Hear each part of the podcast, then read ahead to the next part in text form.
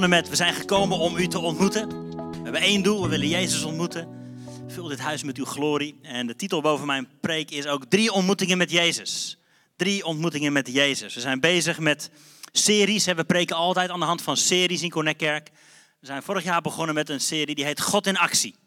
We gingen een reis door het Oude Testament maken en we zagen dat God altijd in actie is. God neemt altijd de eerste stap naar ons toe. Al vanaf het begin. Adam, waar ben je? Hij zoekt ons op. Hij wil de relatie herstellen. En door de hele Bijbel, door het hele Oude Testament heen zien we dat God altijd weer op zoek is. Hij stuurt zijn profeten, hij stuurt zijn leiders, hij stuurt mensen die een hart hebben om het volk weer te vergaderen. Kom samen, kom in die relatie met mij. Dat is het hart van God altijd. Dat begint hier in het Nieuwe Testament. Dat was altijd al zo. God die altijd op zoek is. God in actie was vorig jaar hebben we daar het jaar mee afgesloten. We zijn nu begonnen met Jezus in actie. Het Nieuwe Testament. We gaan door Lucas heen. hele, het hele boek, het evangelie van Lucas, bladeren we door van week tot week, van hoofdstuk tot hoofdstuk. We zijn nu bij het vierde stukje gekomen. Dus ik ga kijken naar de laatste paar hoofdstukken van Lucas. Om ook hier te zien, Jezus heeft het hart van God natuurlijk. Jezus is de perfecte afspiegeling van wie God is. En hij komt in actie. Hij laat het er niet bij zitten. Hij laat de verloren wereld niet zitten met schuld. Hij komt in actie. Hij zet de eerste stap. Marcel begon ermee. Die liet zien hoe Jezus in de woestijn verleid werd en daar de cirkel doorbrak. We zijn niet langer slaaf van de zonde. We zijn niet langer onder het juk van de duivel. Jezus heeft die cirkel doorbroken. En daarna heb ik gekeken naar This is a Revolution. Jezus die zijn discipelen roept, weet je nog. Kom en volg mij. Volg mij, die twee woorden waarmee hij zegt, ik zie dat jij net zo kunt worden als ik.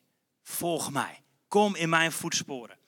Jezus ontmoeten op de berg, die hebben we bekeken, de berg der verheerlijking. Vorige week heeft Jezus gesproken over de passies van Jezus. Heerlijk schurend zijn wij gevuld met dezelfde passie als die Jezus heeft. De passie voor corrigeren, voor schaven, voor schuren, voor vrucht dragen, voor bevrijding, voor evangelisatie, voor Jeruzalem, voor zijn wederkomst. Zijn we vol van de passie van Jezus. We mogen in zijn voetstappen wandelen. En vandaag dus drie ontmoetingen met Jezus.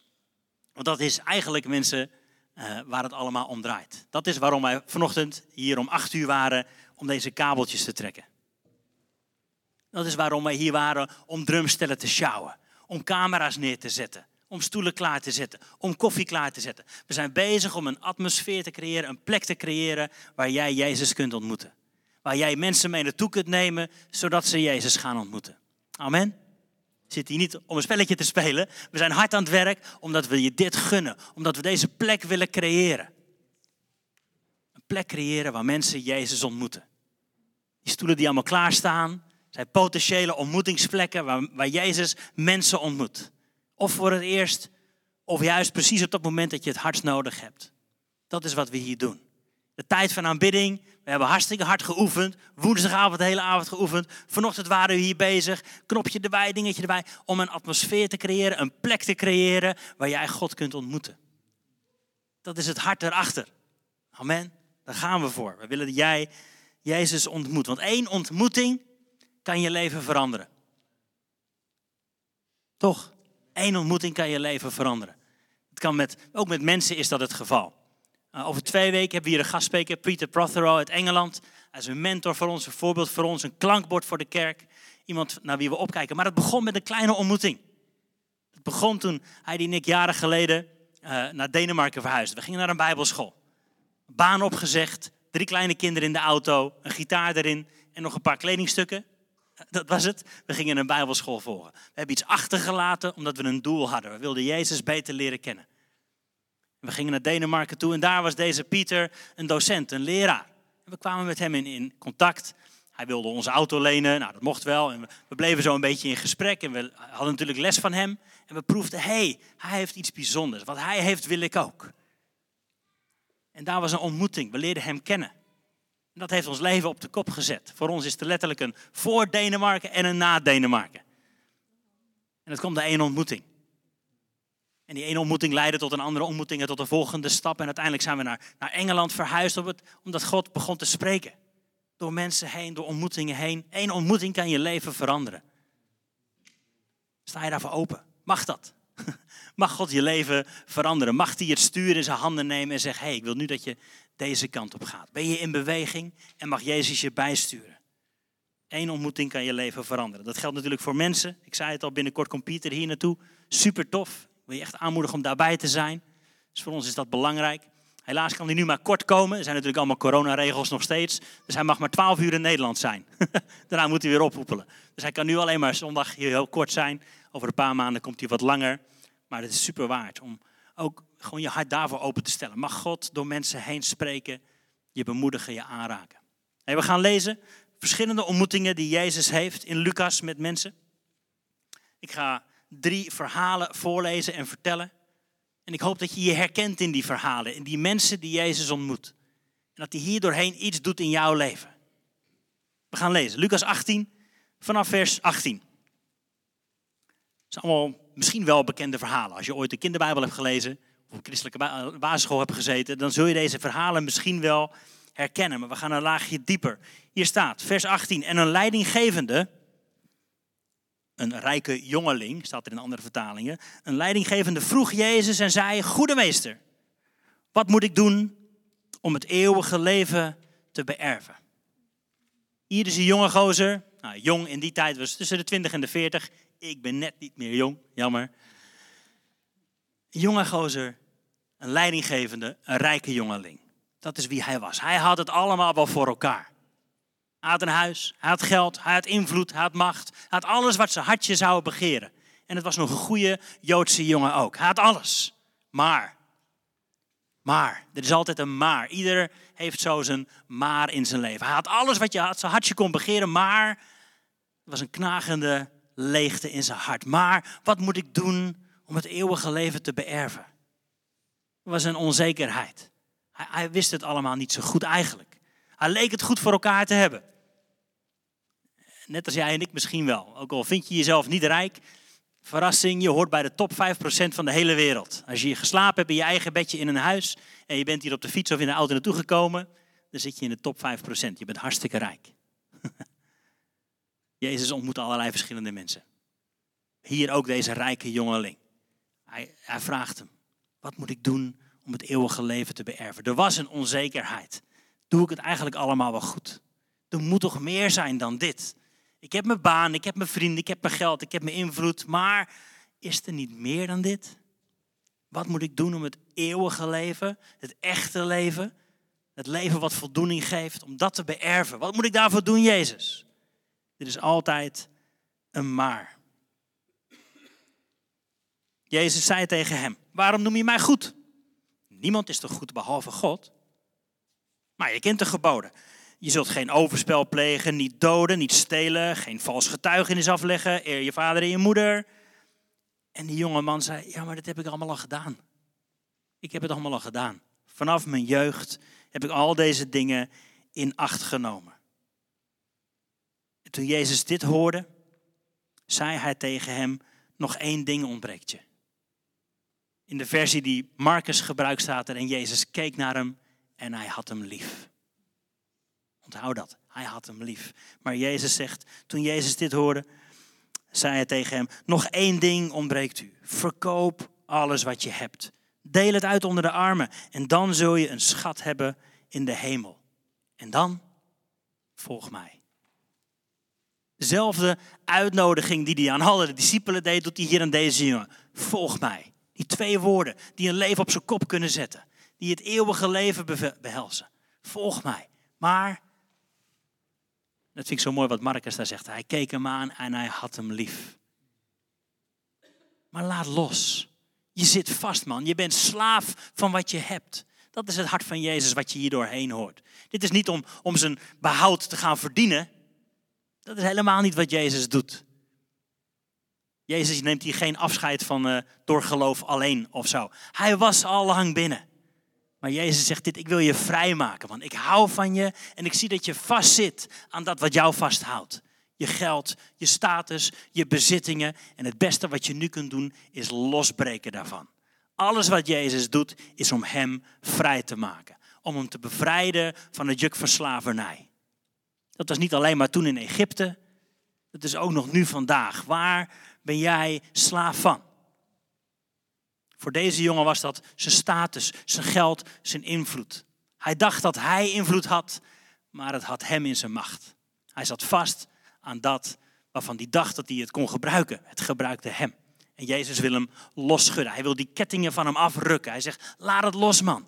Laat het los en je zult losgelaten worden. Geef het weg.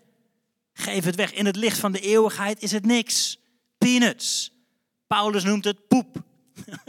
alles wat hij had gekregen, alles wat hij aan invloed had, alles wat hij een status had, het smeert aan je. Laat het los, laat je schoonwassen. Dat is de ontmoeting die Jezus hier met deze rijke jonge man heeft. Jezus spreekt misschien wel in zijn zere plek, want dat lezen we verder. Toen die jonge man dit hoorde, werd hij diep bedroefd. Want hij was erg rijk. Diep bedroefd. Misschien blijft het verhaal hier wel bij. We weten niet zeker wat er met deze jonge man gebeurd is. Sommige theologen zeggen, juist om, om wat Marcus schreef, hè, Jezus keek naar hem en hij had hem lief. Veel mensen denken dat die Marcus deze jonge man was. Johannes Marcus, die we later tegenkomen in Handelingen, die op, mee op reis ging. En die dus ook het evangelie geschreven heeft samen met Petrus. Dus het verhaal, misschien stopt het hier. En misschien neemt het wel een hele bijzondere wending. Dat deze jonge man hier diep bedroefd was en het niet los kon laten. Maar later in zijn leven wel. Je weet het niet. Je weet het niet. Jezus gaat wel door. Jezus stopt niet. Misschien herken je het wel in verhalen van mensen in je eigen leven. Dat je, dat je hebt gesproken over, over wie Jezus is en dat je ze hebt verteld over het goede nieuws en dat ze denken, ja, maar dit is niet voor mij. Jezus gaat wel door. Jezus gaat wel door. Heb daar vertrouwen in, heb daar geloof in. Jezus komt altijd tot zijn doel. En die uitnodigingen. Jezus ziet echt zijn potentieel. Geef het allemaal weg en volg mij. Volg mij. Ook deze jongeman die zo vast zat, die gebukt ging onder het juk van rijk zijn. Jezus ziet in hem een potentie. Die twee woorden werden alleen gezegd tegen volgelingen van de rabbi, waarvan de rabbi wist, jij kunt net zoals ik worden, man. Ik zie jouw potentie. Ik zie dat jij het in je hebt om mij te kunnen volgen. Ik zie dat jij het in je hebt om net zoals ik te worden. Dat zegt Jezus ook tegen deze man. Zegt hij ook tegen jou en mij. Kom en volg mij. Kom en volg mij. En dit is hartstikke eng. Ik vertelde net kort eventjes dat we inderdaad naar Denemarken gingen, later naar Engeland gingen. Dat betekende voor ons baan opzeggen. Financiële onzekerheid. Naar Denemarken met drie, later met vier kids. Help help. En we gingen op een, een woord waarvan we dachten, zou het waar zijn? Zou het niet waar zijn? We weten het niet, maar God, we willen u leren vertrouwen. En het is het dubbel en dwars waard. Natuurlijk heeft het ons geld gekost. Natuurlijk zijn we er niet rijk van geworden. Het is het zoveel waard om los te laten, om te leren vertrouwen op God die in alles voorziet. Misschien komt hij vandaag voorbij en zegt hij tegen jou, prikt hij in je zere plek, hey, laat los. Het nou financiën is of andere dingen in jouw leven. Laat los en je zult losgelaten worden. Dat is de eerste ontmoeting, de rijke jonge man. We slaan de bladzijde om. Ook nog in, even kijken hoor, ook nog in hoofdstuk 18 gaan we lezen vanaf vers 35. De tweede ontmoeting. Jezus is onderweg. En het gebeurde nu toen hij dicht bij Jericho kwam, dat een zekere blinde aan de weg zat te bedelen. We hadden net een hele rijke jongeman. Die alles had wat zijn hartje begeerde, maar een knagende onzekerheid had. Behoefte had aan rust, aan vrede. En hier zit iemand helemaal anders. Jezus ontmoet allerlei verschillende mensen. Allerlei verschillende mensen. Niet alleen maar net de HBO'ers. Hij ontmoet ook de, de bedelaar aan de weg. Amen. De blinde man. De blinde man. Dit is niet het leven dat die kerel wilde. Misschien herken je dat wel, dat je je voelt als die blinde bedelaar. Dat je zit, joh, dit was niet het leven waarvoor had ik had gehoopt. Ik ben moe, ik ben afgepeigerd, ik ben afgedankt, ik ben buiten de stad, ik hoor er niet bij. En ik moet, ik moet het maar doen met de kruimeltjes die het leven me geeft. Zo zit deze man daar. Een blinde bedelaar. Maar toen die man hoorde dat er een menigte voorbij kwam, vroeg hij, wat is er aan de hand? En ze vertelde dat Jezus uit Nazareth voorbij kwam. En hij begon te roepen, Jezus, zoon van David, ontferm u over mij.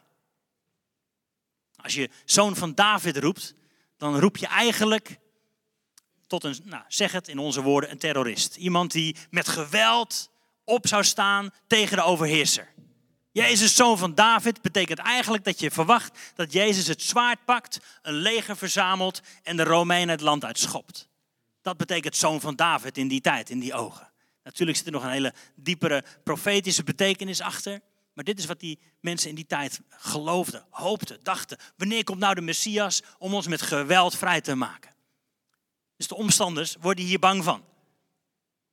Want ze denken straks horen de Romeinen dat hij dit roept. Hebben we allemaal een probleem. Moeten we niet hebben. Hou je mond man. Niet doen. Die gozer begint harder te roepen. Jezus, zoon van David. Ontferm u over mij. Ontferm u over mij. Hij had geen hoop meer in zichzelf. Hij was lam geslagen. Het maakte allemaal niet meer uit. Er was nog één kans. Jezus, zoon van David. Ontferm u over mij. En Jezus bleef staan. En beval dat men de blinde man naar hem toe zou brengen. En dit is zo bijzonder, hè? dat hij dichterbij komt en hij vroeg hem, wat wil je dat ik voor je doe? Open deur. Wat wil je dat ik voor je doe? Heer, dat ik weer mag zien, vraagt de blinde man. Dat ik weer mag zien. En Jezus zei tegen hem, word ziende. Uw geloof heeft u behouden. En onmiddellijk werd de man weer ziende. Hij volgde hem terwijl hij God verheerlijkte. En het volk gaf God de eer toen het dat zag. De tweede ontmoeting. Eerst de rijke jonge man. En Jezus gaf hem misschien wel niet het antwoord wat hij op had gehoopt. Misschien had hij wel gehoopt op, man, je hebt het allemaal al gedaan, je bent binnen, je doet het prima, niks aan de hand, je hoeft niks te veranderen. Jezus prikte daar in zijn zere plek. En dan gaf hem misschien juist wel niet wat hij wilde, maar wat hij nodig had. En hier komt hij bij een blinde man en dan geeft hem wat hij wil en wat hij nodig heeft. Ga weer zien, je geloof heeft je behouden. In één ontmoeting is zijn leven totaal anders. Eén ontmoeting met Jezus kan je leven totaal veranderen. Dat ene zinnetje wat hier staat. Jezus beval de mensen dat ze hem bij, hem zouden brengen.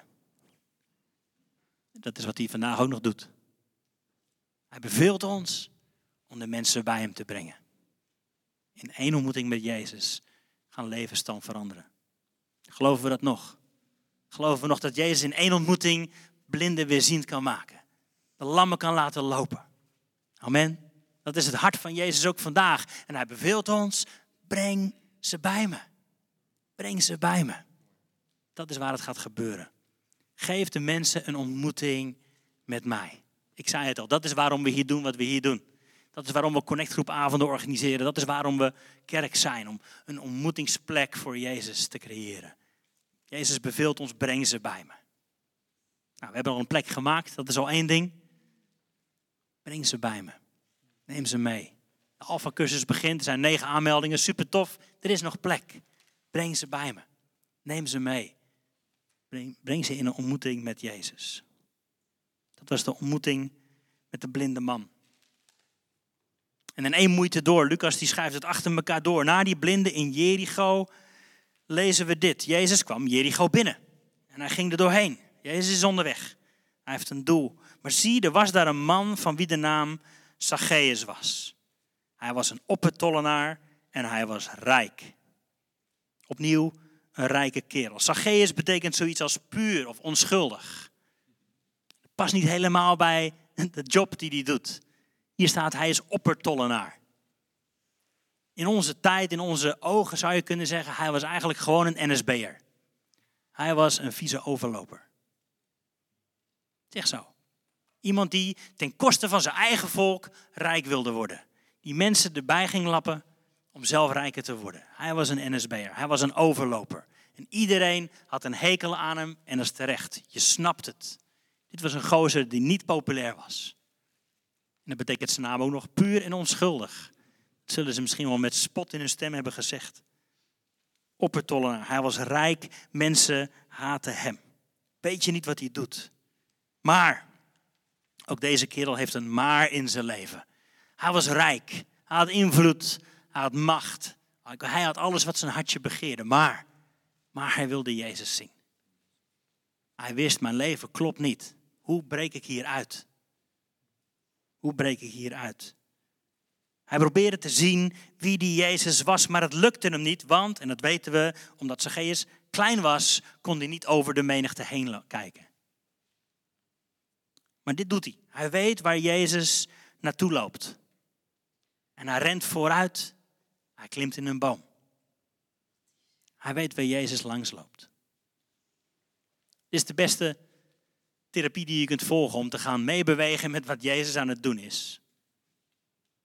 Niet wachten tot Jezus naar jou toe komt, maar bij al deze drie merk je, ze bewegen zich naar Jezus toe. Ze bewegen zich naar Jezus toe. Ze, ze positioneren zich op zo'n manier dat ze weten, Jezus komt hier langs. En na vooruitgelopen te zijn, klom Zacchaeus in een wilde vijgenboom om Jezus te kunnen zien, want hij wist dat Jezus daar voorbij zou komen. En toen Jezus bij die plaats kwam, keek hij omhoog. En hij zei tegen hem, hey Zacchaeus, kom naar beneden. Vandaag kom ik bij je eten. Leuke uitnodiging voor jezelf. Vandaag kom ik bij je eten. Kun je ook zo tijdens de koffie tegen iemand zeggen. hey, vandaag kom ik bij je eten. Why not? De winkels zijn weer open. vandaag kom ik bij je eten. Maar misschien herken jij je wel in die. Dat je denkt, ja, ik weet dat ik eigenlijk bezig ben met dingen die niet tof zijn. Die niet horen bij hoe goed God me bedoeld heeft. Misschien denk je, mijn kans is verkeken. Maar dit is de les van Zacchaeus. Jezus vergeeft hem. Komt in relatie. Dat is de weg van liefde. De kans is niet verkeken. Er is altijd een weg terug naar Jezus. Jezus zegt, ik kom bij je eten. En Zacchaeus haastte zich en kwam naar beneden en ontving Jezus met blijdschap. En alle die het zagen zeiden, ja, hij is bij die NSB'er naar binnen gegaan om daar zijn intrek te nemen. Interesseerde Jezus niet. Zacchaeus ging staan en zei tegen de Heer, zie de helft van alles wat ik heb, geef ik aan de armen. En als ik van iemand iets heb afgeperst, geef ik het terug, vierdubbel. En Jezus zei, vandaag is in dit huis zaligheid gekomen, redding gekomen. Omdat ook dit een zoon van Abraham is. Want de zoon van des mensen, heeft hij het over zichzelf, is gekomen om te zoeken en te redden dat wat verloren is. Alles wat Jezus doet, doet hij om te redden dat dat verloren is. De blinde man, de rijke man, alles wat hij zegt, alles wat hij doet, is om mensen te redden, te bevrijden van het juk van slavernij, wat het ook is. Dat is wat Jezus aan het doen is. Hij kiest de weg van de liefde. Dat is waar jij en ik ook voor geroepen zijn. Ik zag pas op Instagram uh, zo'n fake profiel. Ken je die dingen? Zo'n bekende spreker was dit in dit geval. En dan uh, zag je dat het een nep profiel was aangemaakt. En iemand die dan probeert om geld te vragen uit zijn naam. Dat zie je wel vaker op Facebook, Instagram, weet ik veel wat. En de, de echte persoon die meldde dat op Instagram. Hey jongens, blokkeer hem, Stop ermee, doe aangifte en bid voor hem. Dat is de weg van de liefde. Niet, ah, laat maar zitten, want dat is de weg van de liefde. Nee, nee, stoppen, blokkeren, aangeven en bid voor hem. Dat is de weg van de liefde. En die is wel tegen natuurlijk in onze, heb je dat woord weer, die cancel culture. We hebben net het hele gebeuren gezien met The Voice.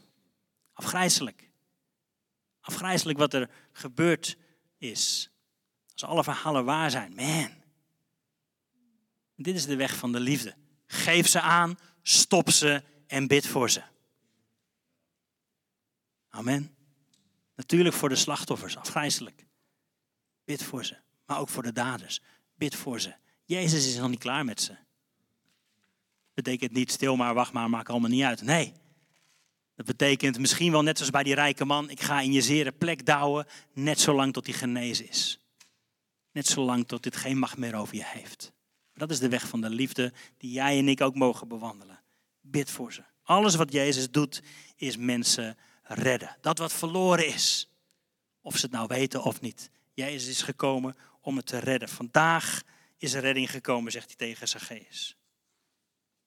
Drie ontmoetingen met Jezus. De rijke man, de blinde man, de overloper. Allemaal hebben ze Jezus nodig. Allemaal hebben we Jezus nodig we dat nou weten of niet. Ze hebben allemaal Jezus nodig. De ene kwam voor bevestiging, voor aanvaarding, voor, voor zekerheid, voor vrede in zijn hart. De andere kwam voor genezing, voor hoop. De andere kwam voor vergeving. We hebben allemaal Jezus nodig. Ook de mensen die nou, wel een goed leven lijken te leiden. Dat hoor je natuurlijk tegenwoordig heel veel. Nou, maar ik leef toch prima, ik heb God niet nodig. In Handelingen 10 is dat zo mooi, waar je uh, Petrus ontmoet Cornelius. Iemand die ook een godvruchtig leven leidt, maar hij kent Jezus nog niet. En Petrus kijkt hem aan en hij zegt niet, ah, ah, je doet het prima, ga vooral zo door. Hij zegt, hartstikke mooi. En hier heb je Jezus. Hier heb je de reden. Hier heb je het antwoord. Hier heb je de rots onder je voeten. Hier heb je de hoop en de zekerheid in een persoon. Iedereen heeft Jezus nodig. Het gaat niet alleen maar om een goed leven leiden. Iets wat deze mensen ook gemeen hebben, ik zei net, ze bewegen zich naar Jezus toe. Ze hadden nog niet de juiste theologie. Ze hadden nog niet alle antwoorden op de juiste vragen. Ze wisten nog niet precies hoe het allemaal werkte, maar dit, is, dit wisten ze wel. Ik, ik heb iets nodig van die Jezus. Ik heb hem nodig. Misschien waren hun motieven wel heel egoïstisch. Het maakte Jezus niet uit. Ons doel is, ik zei het net al, mensen bij Jezus brengen. Jezus beval ze, breng ze bij me. En dit ook. Hun levens worden veranderd, ontegenzeggelijk. Al deze drie, op andere manieren. De ene werd diep bedroefd, werd overtuigd van help, ik zit vast aan mijn geld, ik zit vast aan mijn status, ik zit vast aan dit leven. Ik kan het niet loslaten. Dus hun leven werd veranderd. Hij wist, hij wist, ik kan niet meer dezelfde blijven. De blinde man werd ziende, verheerlijkte Jezus en ging achter hem aan. Hun leven werd veranderd. En dat is ook voor jou en mij. De opdracht, de verwachting. Je hoeft niet je leven te veranderen om gered te worden. Maar Jezus zegt wel, je bent welkom in mijn koninkrijk. En dit is hoe het leven in het koninkrijk van God eruit ziet. Laat los, vergeef, geef weg, zegen, vertrouw. Wees blij, vol vertrouwen, vol hoop. Dat is hoe je leven eruit zou mogen zien. Zacchaeus doet hetzelfde. Ik geef weg wat ik heb gestolen. Niet om gered te worden, maar als gevolg van de aanvaarding van Jezus.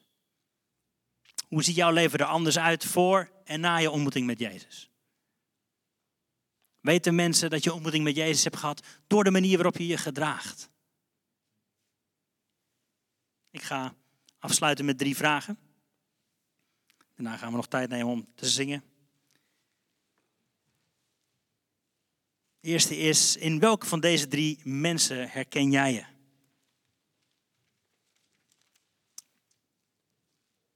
Dat is altijd het doel van Bijbel lezen. We lezen het woord van God zodat we het levende woord Jezus ontmoeten. En dat doen we door te kijken in welk verhaal, in dit verhaal, waar ben ik in dit verhaal? Ben, ben ik die rijke man, Jezus? Is dat wat u zegt tegen mij vandaag? Ben ik, ben ik die kerel die, die iets los moet laten? Waarvan ik denk dat het mijn identiteit is. Dit is mijn recht, dit, is mijn, dit heeft u me gegeven. Maar Jezus zegt, laat het los. Het houdt je vast.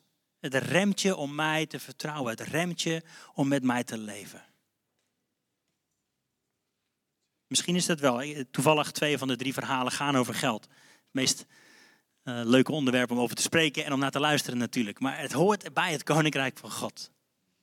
Ontegenzeggelijk. Twee van de drie verhalen gaan erover. Ik heb ze er niet op geselecteerd, staan gewoon op volgorde. Maar hoe zit het met jou? Hoe zit het met jou? In welke van deze drie mensen herken jij je? Ben je op zoek naar rust, naar vrede? Heb je ook dat knagende gevoel? Er moet toch meer zijn dan dit? Er moet toch meer zijn? Of ben je die blinde man? Ben je op zoek naar genezing? Voel je ook buitengesloten? Is alle hoop wel weg? Weet je het ook niet meer? Ben jij dat? Kom dan naar Jezus. Ben je Zacchaeus? Weet je dat je op een plek in je leven staat waar je niet had moeten staan? Kom naar Jezus. Ren niet weg voor hem. Ga niet je leven op orde maken voordat je bij hem komt. Kom naar Jezus. In die ontmoeting kan alles veranderen. In welke van deze drie verhalen sta jij op dit moment? Tweede vraag dan. Wat vraagt Jezus op dit moment aan jou? Ik zei net, we zijn niet bij elkaar gekomen om, Hem te ontmoeten. Ik heb een preek voorbereid zodat jij een ontmoeting met Jezus hebt. Zodat je Hem hoort spreken in je hart. Hé hey man. Wat is het woord van God vandaag voor jou? Wat wil hij vandaag zeggen tegen je? Voor de een kan dat zijn, zeg je baan op. Ga een dag minder werken. Voor de ander kan dat zijn, vergeef die persoon. Vergeef. Vergeef. Toen ik aan het voorbereiden was, moest ik hier aan denken. Ik geloof dat God aan je vraagt om je ouders te vergeven. Om daarmee de vloek die al generaties over jullie familie ligt, te verbreken over je leven. Misschien heb je dat voor je gevoel al wel gedaan. Dat God zegt, ik wil een laag dieper gaan. Vergeef je ouders, laat los en je zult merken dat die vloek die over jullie familie ligt, over je leven verbroken wordt. Misschien heeft het wel te maken met fysieke pijn, ongemak. Dat Jezus zegt, kom laat los, vergeef. Vergeef, laat los en het zal jou loslaten. Laat los en het zal jou loslaten. En inderdaad, voor de ander kan dat zijn een uitdaging op financieel vlak. Wat mag je weggeven? Vraagt Jezus aan jou om een stap te gaan doen in geloof? Iets wat niet zo comfortabel voelt. Natuurlijk heel populair om te zeggen, blijf vooral dicht bij je gevoel. Soms zegt Jezus, hier is je gevoel. en hier is de werkelijkheid. Hier is wat goed voor je is. En dat kan naast elkaar, dat kan tegen elkaar ingaan. Ons gevoel beweegt niet altijd mee met wat God zegt. Wat goed voor ons is. Nummer 1, in welke van deze drie mensen herken jij je? Nummer 2, wat vraagt Jezus op dit moment aan je? En nummer 3, ik noemde het net al, mag Jezus jouw auto besturen? Heeft Jezus het stuur in handen? Of zit hij netjes op de bijrijderstoel? Misschien zit hij wel achterin en moet hij zich niet te veel bemoeien met hoe de reis gaat. Mijn vraag aan jou, mag Jezus het stuur in handen nemen? Mag Hij bepalen, dit is de weg die ik voor je ga. Dit is de weg die ik voor je bedoeld heb. Wil vragen of je gaat staan.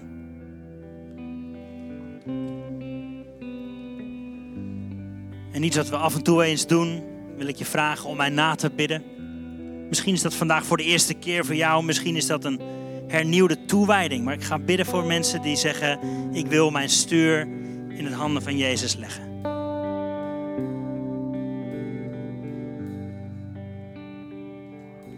Straks is er nog een gebedsteam die graag voor je wil bidden. Maar dit is de beste keuze die je vandaag kunt maken. Ontmoet Jezus opnieuw. Geef je leven aan Hem en je zult merken dat je vrij wordt. Dat er vrede komt, dat er genezing gaat stromen. Dat voorziening gaat stromen. En dat je een leven vol avontuur aangaat. Ik wil je vragen om het volgende mij na te bidden als dat voor jou vandaag geldt. Nogmaals, of het voor de eerste keer is of een hernieuwde toewijding. Hier zijn we. Heere Jezus, vandaag kies ik voor U. Ik weet dat ik U nodig heb. Ik weet dat U van me houdt. Ik weet dat U God bent over alles dat leeft. Wilt U ook de Heer van mijn leven zijn? Vergeef mij. Ontferm u over mij. En geef mij kracht om met u en voor u te leven. Amen.